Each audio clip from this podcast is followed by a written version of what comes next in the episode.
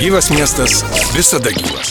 Socialinės, urbanistinės, ekonominės aktualijos laidoje Gyvas miestas. Kiekvieną trečiadienį 14.30. Kartuojama ketvirtadienį vakarais bei savaitgaliais. Gyvas miestas visada gyvas.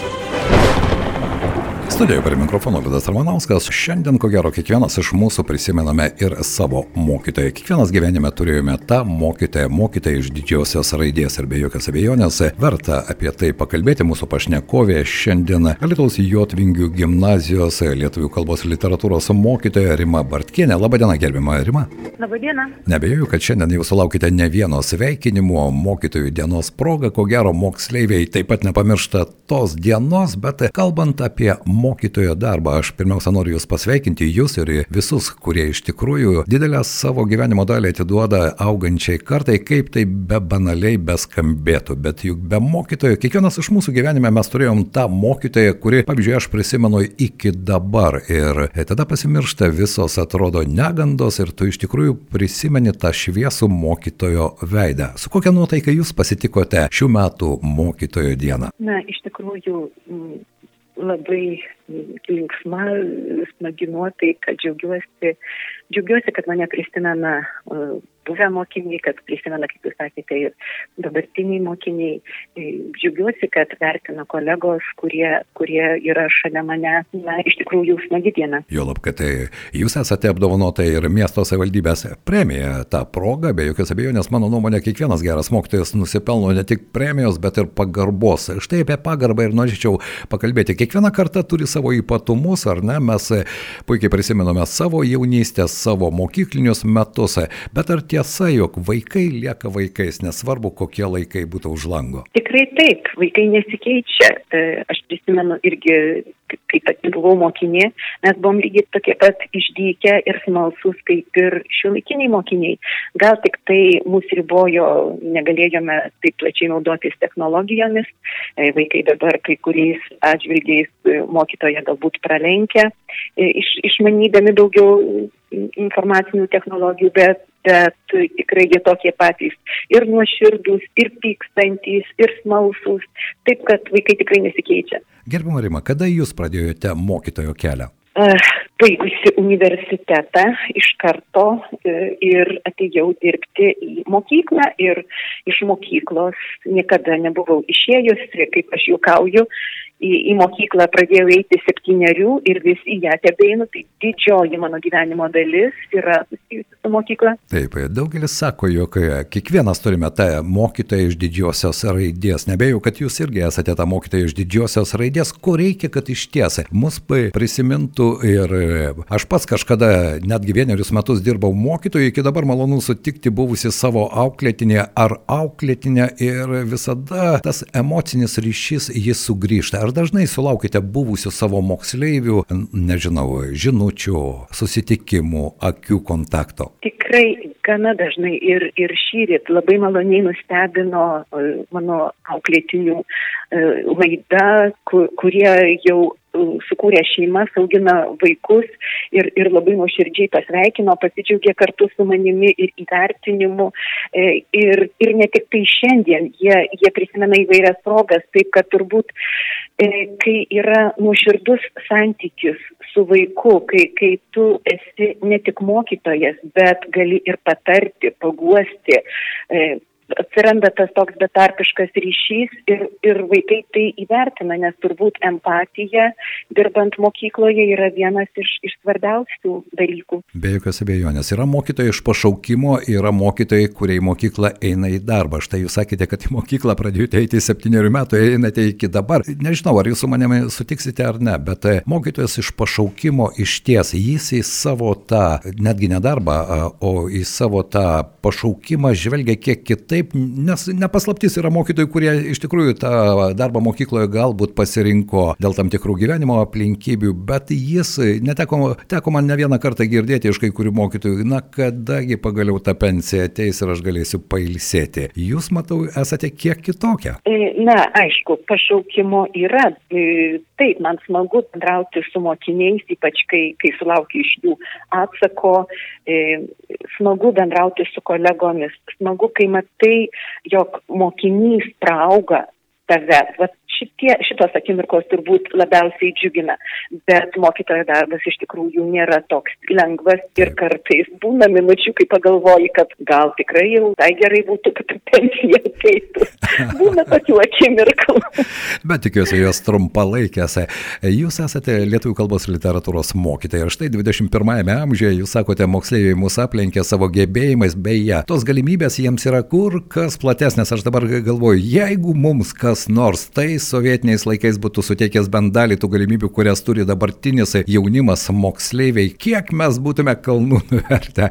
Bet žinoma, kiekvienam laikui savo ypatumai. Tai štai kalbant apie tos mokinius, kurie, kaip jūs sakote, pralenkia jūs ir suteikia gražių akimirkų. Turite tokių moksleivių? Taip, tikrai taip ir ne vieną. Ir, ir džiaugiuosi aš jais ir, ir kartais stebiu jų kelią iš tolo, pasidomiu, kaip jiems sekasi.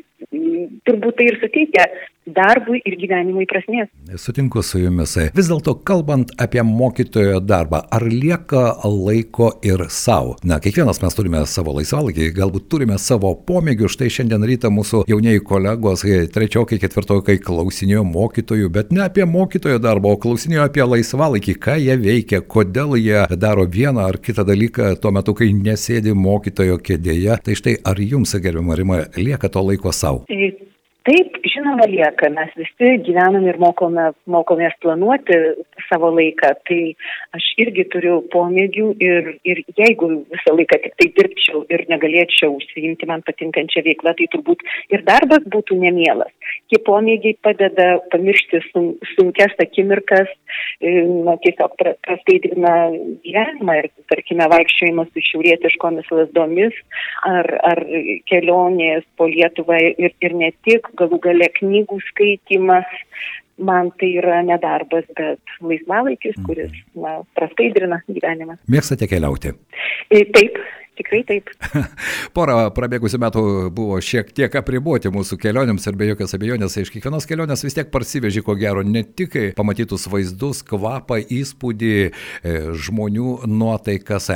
Ar yra šalis, į kurią norėtumėt sugrįžti? E, turbūt būsiu labai banali, bet e, pirmoji įspūdinga kelionė, kuri įvyko daugiau kaip prieš 20, gal net prieš 30 metų, buvo Italija. Tai e, Italija yra, na, turbūt kiekvieną kartą ją norisi sugrįžti. Tarp kitko, aplankiusi Italiją, aš pradėjau mokytis ir italų kalbą.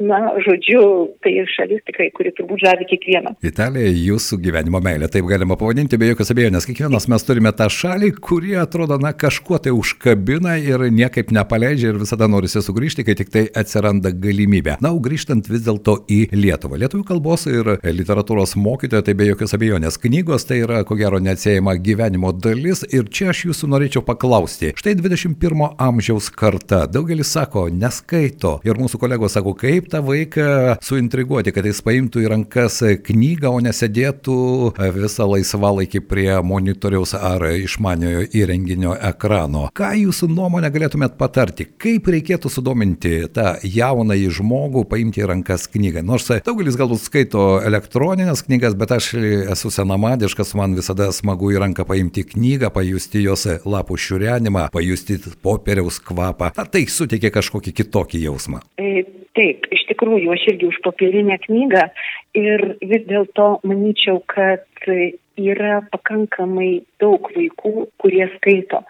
E, yra tokių, turi tokių mokinių, kurie klausia manęs, mokytoja, gal galėtumėte rekomenduoti. E, rekomendavau, rekomenduoju ir paskui sulaukiu atgarsių, kad o gal dar ką nors panašaus galėtumėte pasiūlyti. Tai turbūt kiekvieno vaiko kelias į knygą yra labai individualus. Galbūt šeimos rate skaito pataria, pasidalina mm, įdomią knygą, gal draugai, bet kad vaikai skaito ir domisi ir kartais jie net man pasako, kad va labai įdomi knyga, o aš, aš jos esu neskaičiusi, tai būtinai irgi perskaitau. Taip, kad tikrai vaikai skaito.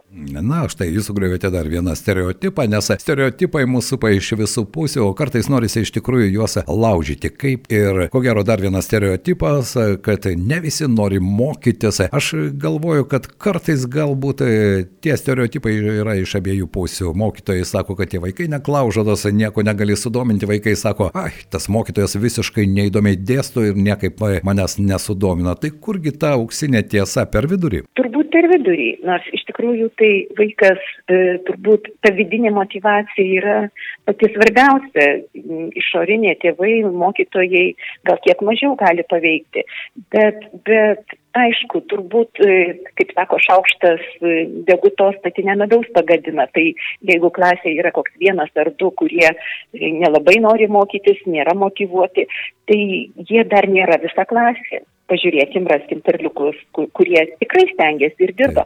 Tokių mūsų, mūsų kasdienybėje tikrai nemažai. Sutinku su jumis, nes e, man visada malonu bendrauti su jaunais e, žmonėmis ir e, daug ko iš jo pasimokyti. Kažkada esu pasakęs, kad geriausi mokytojai yra vaikai iki trijų metų savo nuoširdumu, tikrumu ir gebėjimu į pasaulį žvelgti atmerktomis akimis. Po to mes darželiai, mokyklos ir visas tas atvirumas kažkur truputį dinksta, bet ne visiems. Aš tikiu, kad vis dėlto jo išlieka, ar štai to empatiškojo, nuoširdaus ryšio su moksleiviais, jį pavyksta išlaikyti ir dabar? Taip, tikrai. Ir, ir vaikai, vaikus reikia mokyti empatijos ir kaip pats įsijauti į jo gyvenimą, kai jie mato, kad tu nuoširdžiai bendrauji, jie tada atsiveria ir tau, ir, ir tas ryšys tada iš tikrųjų e, užsimesga tvirtas ir, ir gal ne visiems tai pavyksta, bet, bet tikrai, tikrai tai yra. Gerbama Rima, dar vienas klausimas, galbūt tai vis dėlto tos amžinos švietimo sistemos pertvarkos, kaip jie beskambėtų, tie tokie biurokratiniai terminai, bet jos vyksta ir vyksta ir vyksta. Jūsų nuomonė, kada mes iš tikrųjų suvoksime, ko mums reikia iš mokyklos,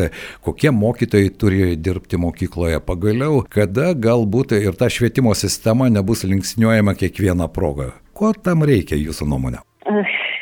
Sunku pasakyti, mes turbūt nuo nepriklausomybės pradžios vis ieškome, ieškome kelio, e, bandome sekti kitų pavyzdžių, bet sunku, sunku pasakyti. E, na, mokytojo turbūt vienintelis kelias dirbti ir, aišku, žiūrėti, kas vyksta, bet svarbiausia, nepamiršti, kad, kad prieš jį yra daug jaunų žmonių ir padėti jiems į tą gyvenimą įsilieti, kad jie paskui būtų laimingi. Gyvename labai neramiais laikais, gerbiamą Rimą. Kritinis mąstymas, gebėjimas bent jau kažkiek analizuoti tą situaciją, tą pasaulį, kuris yra aplink mus, mes matome, kad tai iš tikrųjų to kritinio mąstymo kartais pritrūksta. Ar jaučiate, kad dabartinė karta, kuri turi tokias galimybės, informacinį srautą ir gebėjimą galbūt, ar turi tą gebėjimą atsirinkti, ar turi gebėjimą turėti tą filtrą, perfiltruoti ir surasti tą tiesos grūdą? E, tikrai yra tokių e,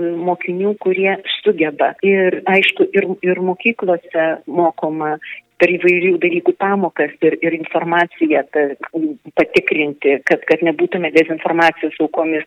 E, ir vaikai iš tikrųjų jie pradeda atsirinkti ir, ir suvokti, kas yra kas, bent jau mano aplinkoje. Na ir vertybės. Man visada svarbu, be jokios abejonės, mokytojas tai yra tas vertybių pagrindas. Man atrodo, kad tai, ką tu gauni iš tikrojo mokytojo, tai išlieka visam tavo gyventojui, gyvenimui, po to tu perdodi savo vaikams ir taip toliau. Kokios vertybės jūsų nuomonė yra svarbiausios žmogui ir mokytojui ir mokiniui tuo pat metu? Aš visada, sutikdama naujus mokinius, sakau, kad gerbiu sąžiningus Mm, tai sąžinė turbūt yra pats, pats pirmas, pat, pati svarbiausia e, vertybė. Aišku, empatija, e, mokėjimas išklausyti, įsijausti, ką kitas išgyvena ir patiria. E, bendravimas, nes žmogus yra man šalia kitų aplink jį yra daug žmonių, tai va tas bendravimas, komunikacija, tai man atrodo, tai yra svarbiausi dalykai. Kaip šiandien vienas jaunas mūsų ketvirtokas klausė mokytojo, aš pasiskolinsiu jo klausimą, jeigu Rima Bartkienė turėtų galimybę prie podelio arbatos ar kavos atsisėsti su žmogumi, koks žmogus tai būtų, su kuriuo būtų galima valandą kitą pakalbėti, pasidalinti įspūdžiais, pažvelgti vienas kitam į akis, kas tai būtų? E, galbūt visai norėčiau pasikalbėti su muzikantu, mano kartos dainininku Andriumi Mamontovu. E, na, aš tokia nesu labai jau stereotipinė mokytoja. Na kągi. Šitų dainininkų įdomu būtų. Aišku, kągi. Andrius irgi turi savo gyvenimišką patirtį, su, e, turi savo požiūrį ir e, kada nors kalbėdami su juo mūsų eterėje mes jam priminsime, kad Lietuvoje yra mokytoja Rima Bartkienė, kuri norėtų su juo pasėdėti, išgerti arbatos ir pakalbėti ir apie muziką, ir apie gyvenimą. Muzika jūsų gyvenime užima tam tikrą vietą. Tikrai taip. E, aš pati mokykloje besimokydama grogiau tuo metu vadinamoje vokalinėje instrumentinėje grupėje ir, ir be muzikos aš nepraleidžiu nei vienos dienos. Wow, na štai dar vienas atradimas, nes man muzika tai yra žmogaus laisvės išraiška, kūrybiškumo ir empatijos išraiška. Šiandien noriu padėkoti mūsų pašnekovė buvo mokytoja Rima Bartkienė. Dar kartą sveikinu, sveikinu jūs su premija ir be jokios abejonės didžiausia premija tai tai, kai buvę moksleiviai prisimena, sugrįžta, nepamiršta, nes mes juk prisimename mokytojus tada, kai mes paliekame mokyklos suolą ir suprantame, kiek daug jie į mus įdėjo. Ačiū gerbiamą Rimą šiandien. Ačiū Jums. Dėkui Jums už pokalbį. Na štai, aš tikiuosi, kad kiekvienas iš mūsų šiandien prisimins ir savo gyvenimo didėjį mokytoją. Tai, kas svarbiausia apie mano miestą. Laidoje Gyvas miestas. Kiekvieną trečiadienį 14.30. Kartuojama ketvirtadienį vakarais bei savaitgaliais.